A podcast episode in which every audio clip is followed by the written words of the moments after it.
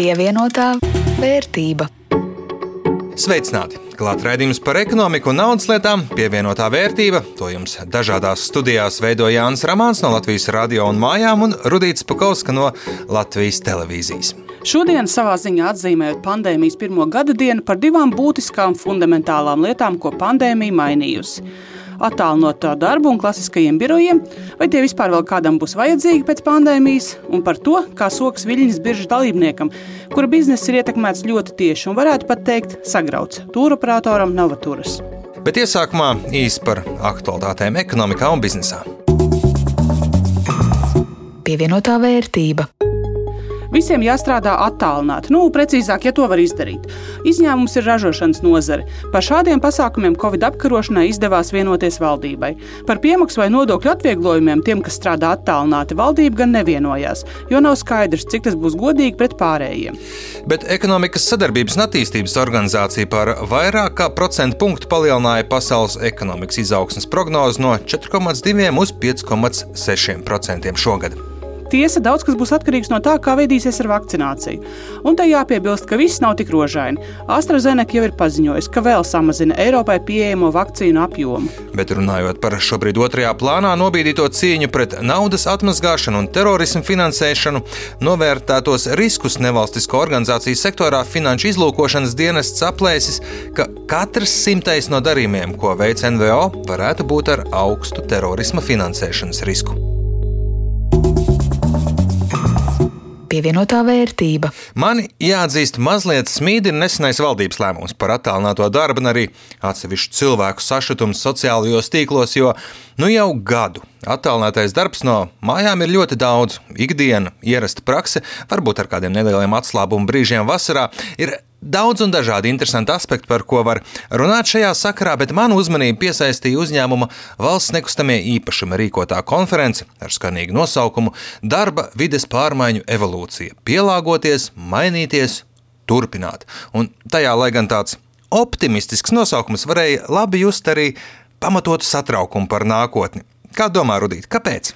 Jo viņi ir tie, kas pārsvarā valsts iestādēm nodrošina un apsaimnieko biroju telpas, kuras jau tagad labu laiku stāv tukšas, un nezinu, vai tuvākajā nākotnē vajadzēs jauns birojs vai arī papildināt esošos. Tieši tā, un lai gan konferencē dažādu valsts iestāžu pārstāvi stāstīja par to, cik viņi gudri un veiksmīgi pielāgojušies jauniem apstākļiem, un ka pat valsts ieņēmuma dienas ir sapratis, ka tiešsaistes semināru un mācības grāmatvežiem ir ērtākas, efektīvākas visiem nekā visus apmācāmos censties sapulcināt un sadzīt kādā konferenču zālē, tam visam cauri bijās tāda vēlme tomēr atgriezt cilvēkus pēc pandēmijas birojā. Un līdz ar to arī neizteiktas šaubas un bailes par to, vai birojas vispār vēl vajadzēs. Trāpīgi to iezīmē Brits Kristis Moriartīs, darba vidas iesaists un ēku pārvaldības institūta vadītājs. But we have seen that over this period, generally speaking, the attitude and the appetite for getting back to the office Pa šo laiku vispārīgi runājot, attieksme un apetīte pret atgriešanos tradicionālajos birojos ir būtiski samazinājusies. Visticamāk, jums tagad ir par daudz vietas un daudzi uzņēmumi domās par to, kā kļūt racionālākiem. Jo darbs no mājām ir uz palikšanu. Džins ir izlaists no pudeles, visi aizbildinājumi par drošību, motivāciju, produktivitāti, par uzņēmumu kultūru ir iznīcināti. Jo mēs to darām jau gadu, un vispārīgi runājot, lielākā daļa uzņēmumu ir piedzīvojuši varbūt nelielu kritumu, palikuši turpat, daži pat sākuši ražot vairāk, Bet pašiem birojiem būs problēmas. Būs jāatbild uz jautājumu, kādu vērtību tie var piedāvāt. Ja mēs vienkārši atvērsim birojus tādus, kādi tie bija pirms pandēmijas, un cerēsim, ka cilvēki ar joni, bariem un priecīgi skries uz tiem atpakaļ, būs vilšanās. Mums viņi būs jāpārliecina, ka ir pamatoti un vērtīgi iemesli to darīt. Mums ir jādomā, kā šos birojus padarīt labākus, vērtīgākus, jo, godīgi sakot, tās darba vietas birojos līdz šim nav bijušas diezko labas maigi sakot, bet šī ir iespēja to mainīt. opportunity now. Ja pandēmijas sākumā lielākā daļa darbinieku teica, ka labāk tomēr strādātu birojā un ka gribētu tajos atgriezties, jo pietrūkst skaidra darba dienas ritma, mājās traucē dažādas blakus lietas, mājinieki, kļūst vientuļi, tehnika, internets pieviļ, tad veicot aptauju tagad, redzamas ļoti skaidras izmaiņas. Lielākā daļa uz biroju atpakaļ vairs negrib. Aptuveni 30% ir gatavi tajos atgriezties nekavējoties. Puse būtu ar mieru birojā pavadīt vienu līdz divas dienas nedēļā, bet tikai 11% vēlas darbu birojā piecas dienas nedēļā no 8 līdz 5 vakarā. Pārējie tomēr vairāk grib strādāt mājās. Tā ir realitāte, kuru agri vai vēl darba devējiem būs jāsaprot, kā saka eksperts. Lielā mērā to, vai cilvēks grib atpakaļ klasiskajā birojā vai nē, nosaka tas, kāda ir viņa paša darba vide mājās, jo labāk tā iekārtota, jo mazāka vēlme iet atpakaļ.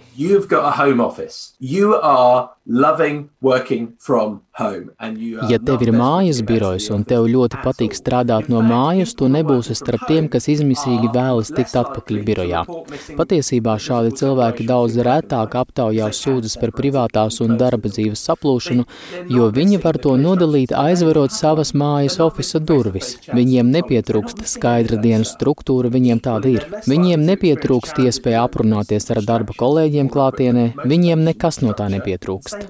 Tāpat viņus daudz retāk nomāca vientulības, slikta aprīkojuma, motivācijas, fizisko aktivitāšu trūkuma problēmas un izaicinājumi. Un viņa negribēs strādāt attālināti arī nākotnē. Jau šobrīd pētījumi rāda, ka divas trešdaļas no cilvēkiem, kuriem ir mājas office, grib strādāt tajos arī turpmāk jo viņi tur jūtas daudz komfortablāk strādājot ilgu laiku, patiesībā ir produktīvāki un likumsakarīgi būs starp tiem, kuri iebildīs pret atgriešanos tradicionālajā birojā. Jo kāpēc gan? Pat ja darba birojā aprīkojums ir tāds pats, viņi zaudē visus ieguvumus in their, in their office setting. Ieguvumi ir pašsaprotami. Tas, ka var no rītiem ilgāk pagulēt, mazāk laika un naudas iztērē pārvietojoties uz un no darba, vairāk laika tiek pavadīts kopā ar ģimeni, kolēģi netraucē un tā tālāk. Nav gan tā, ka visiem ir šādi labi iekārtotas darba vietas mājās, un tie visbiežāk ir tie, kuri arī izmisīgi grib atpakaļ birojā. But we have a group of people who are working on sofas, on beds, on kitchen tables that aren't happy with working from home. Bet mums ir cilvēki, dīvānu darbinieki, kuri strādā uz dīvāniem, gultām, virtuves galdiem, kuri nav laimīgi un viņiem sagādā grūtības privātās un darba dzīves nodalīšana, viņiem daudz vairāk trūkst sarunu ar kolēģiem skaidra dienas plāna. Viņi daudz vairāk sūdzas par motivācijas trūkumu, sliktu ekipējumu, tehnoloģiju trūkumu. Viņiem biežāk ir vientulības problēmas, un tā visa rezultātā viņi strādā mazāku stundu, jo vienkārši nespēj to izturēt.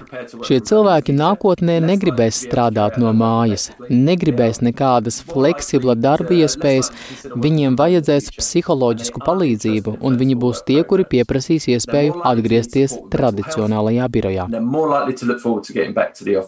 Tāda tradicionāla atgriešanās birojos uz piecu darba dienu no 8 līdz 5 ar pusdienu pusdienas laiku pa vidu vairs nav nepieciešama, tā uzskata eksperts, bet birojiem tomēr ir nākotnē, ja tie spēs piedāvāt labāku, produktīvāku darba vidi nekā cilvēki paši sev spēja nodrošināt attālināti. Drīz ar to nākotnē tā ir vieta, kur Drīzāk satikties, socializēties un tiem darbiem, kuri attālināti nav paveicami. Šai konferencē bieži no uzņēmumu vadību puses izskanēja vārdu salukums uzņēmumu kultūra. Tā ļoti ciešot šajā laikā, principā paliekot nebūtiska, izzūd. It īpaši runājam par jaunajiem darbiniekiem, kurus darba gaitās ievada attālināti, tiem neveidojas neformāli kontakti, tie negūst piemēru no pieredzējušākiem kolēģiem. Moriartīs gan šīs bažas sauc par blēņām. The biggest cultural challenge that HR professionals won't talk about is that most organizations don't trust their employees. Lielākā uzņēmumu kultūras problēma, par ko skaļi personāla vadības speciālisti nerunā, ir tā, ka lielākā daļa uzņēmumu neusticas saviem darbiniekiem. Tieši tāpēc pirms pandēmijas strādāšana no mājas īsti nenotika, jo mēs neusticamies, ka viņi mājās strādās. Mēs domājam, ka viņi darīs visu, ko citu, tikai ne darbu, ka viņi nestrādās pietiekami smagi. Patiesībā tām kultūras izmaiņām ir tikai viens virziens uzticība. Ticēt, ka darbinieki var labi strādāt mājās, ticēt, ka viņi ar saviem kolēģiem sastrādāsies veidā, kurš ved uz labu rezultātu. Visām profesijām, personāla vadībā, īres tirgū, biroju attīstīšanā būs jāmaina sava uztvere un jātic saviem darbiniekiem, ja gribam virzīties uz priekšu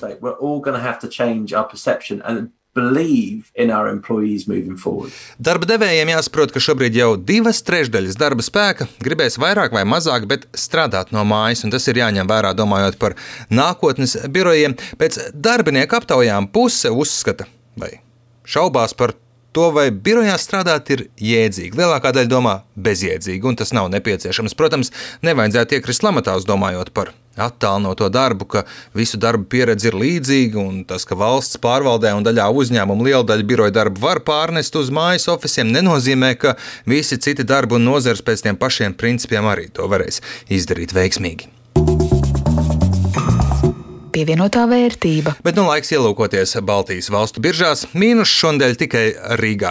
Rīgas biržas indeks samazinājās par 0,32%, Viļņā kāpums par pusprocentu, bet Tallinā 1,57% pieaugums, un tas atspoguļojas arī mūsu ieguldījumu portfeļos. Tā kā man ir Latvijas un Igaunijas uzņēmuma akcijas šodien, Kopējā portfeļa vērtība augusi par pāris procentiem un pārsniedz jau 385 eiro. Kopš eksperimenta sākuma novembrī plus 29%. Nu, man pieticīgāks pieaugums kopš eksperimenta sākuma plus 18%, un kopējā vērtība nedaudz virs 350 eiro. Tā kā vismaz pagaidām par mūsu eksperimentu uzvarētāju kronēju tevi. Jāatzīst gan, ka mums kopumā šajā akciju eksperimentā pagaidām ir veicies, jo straujas lejupslīdes nav piedzīvotas tik uz augšu, tik uz augšu vien gandrīz vai, bet Kritumi var būt akciju tirgū, to noteikti zina tie, kuriem akciju portfelī ir kādi ar turismu saistīti uzņēmumi, kuri tika iegādāti pirms pandēmijas. Spilgtākais piemērs - Viļņas biržas dalībnieks Novaturs. Kompānijas Baltijas reģionā darbojas jau vairāk nekā 22 gadus, un lai gan kompānija pārskatā par pērno gadu pauž, ka drūmās dienas ir aiz muguras, noguldījumu eksperts pagaidām ir piesardzīgs attiecībā uz šo akciju iegādi. Plašāk Lindas Zalāns veidotajā ierakstā. Talking and considering our key financials, we have managed to generate 33.1 million euros of revenue, which is much, much lower compared to 2019. Ceļojuma kompānijas Novaturas izpildirektore Audrone Keinute uzrunā investoriem neslēp, ka te jau viss pagājušais gads pagāja dīkstāvē. Tikai gada pirmajos trīs mēnešos uzņēmums strādāja ar pilnu jaudu, bet pēc tam bija jāpielāgojas pandēmijas diktētajiem noteikumiem, un tas atspoguļojās arī finanšu rādītājos. Novaturas apgrozījums 2020. gadā bija 33 miljoni eiro. Tas ir par 82% mazāk nekā 19. gadā, kad kompānija apgrozīja 179 miljonus eiro. Tomēr Novatūras grupa ir pārliecināta, ka drūmās dienas ir aiz muguras. Šogad līdz ar pandēmijas krīzes mazināšanos kompānija cer piepildīt ceļotāju cerības, kas ļaus arī pašiem lēnām atkal audzēt muskuļus un kāpināt apgrozījumu. Novatūras biržā tiek kotēts kopš 2018. gada marta, kad notika IPO, un tad akcijas cena bija 10,5 eiro. Uzkrājuma un ieguldījuma eksperts Kaspars Pēcinieks teica, ka no sākuma akciju cena pakāpās, bet pēc tam sākās tāds ilgs un sāpīgs kritiens, no kam, protams, īpaši lielu zīšanu vai piedeva arī Covid-19 ietekme. Un zemākajā punktā pagājušā gada oktobrī vienas akcijas cena bija 1,76 eiro. Tā kā, ja bija akcijas pirktas IPO laikā, tad eh, zemākajā brīdī bija ļoti liels zaudējums, bet arī pat šobrīd zaudējumi ir 77% eh, apmērā no IPO cenas. Un, lai atgrieztos uz IPO cenu, jeb šiem 10,5 eiro akcijas cenai būtu jāpieaug par apmēram 200% no pašreizējiem līmeņiem. Pērn zemākais punkts akcijas cenā bija brīdī, kad bija skaidrs, ka par vienu ceļošanas sezonu ir jāaizmirst pavisam. Kopumā kompānijas darbību rādītāju lejupslīde bija dramatiska. Kopējais apkalpoto pasažieru skaits pērn bija 48,5 tūkstoši. Salīdzinājumā 2019. gadā tie bija 293 tūkstoši, jeb sešas reizes vairāk ceļotāju. Apgrozījuma kritums nāca komplektā ar vērienīgiem zaudējumiem aptuveni 5 miljonu eiro apmērā. Uzņēmums saņēmis dažādus atbalstus gan Lietuvā, gan citās valstīs, kurā tas darbojas. Pēdējais bija 10 miljonu eiro aizdevums no Lietuvas investīcija aģentūras, un šāda aizdevuma saņemšana samazina varbūtību, ka uzņēmuma pastāvēšana ir apdraudēta. Ja, tomēr no otras puses ir jāmēģina saprast, vai ir vērts iegādāties uzņēmuma akcijas. Un, ja skatāmies uz iepriekšējiem gadiem, tad uzņēmums vidēji spēja pelnīt ap 4 miljoniem eiro gadā. Un, ņemot vērā šo, ka ziemas uh, sezonas ceļošanas nenotikšanu un lēnu apkopšanos pavasarī, tad visticamāk šogad būs labi, ja uzņēmumi izdosies strādāt bez zaudējumiem, vai pat varbūt izdoties nelielu peļņu saņemt. Saskaņā ar uzņēmumu plāniem redzams, ka jau šobrīd ir atvērti vairāk ceļojumu maršruti, un vasarā plānots, ka uzņēmums nodrošinās braucienus uz visiem populārākajiem galamērķiem.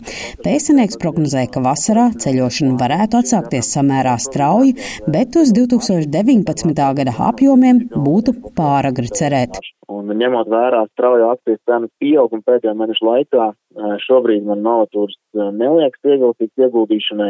Šķiet, ka akcijas cena ir nedaudz par ātru, par, par augstu aizsteigusies priekšā notikumiem. Dividendi uzņēmums izmaksāja tikai vienu reizi 2018. gadā, un ņemot vērā saspīlēto finanšu situāciju, pieļaujams, ka arī tuvākajos gados dividendes izmaksātas netiks. Līna Zalāne, Latvijas radio pievienotā vērtība. Ar to arī izskan raidījums pievienotā vērtība. To jums sagatavoja Jānis Ramāns no Latvijas radio un Rudīts Pakauska no Latvijas televīzijas. Par labskaņu rūpējās Kaspars Groskops. Šo un cits mūsu raidījums varat atrast gan Latvijas radio mājaslapā, gan populārākajos podkāstu servisos. Uz tikšanos pēc nedēļas!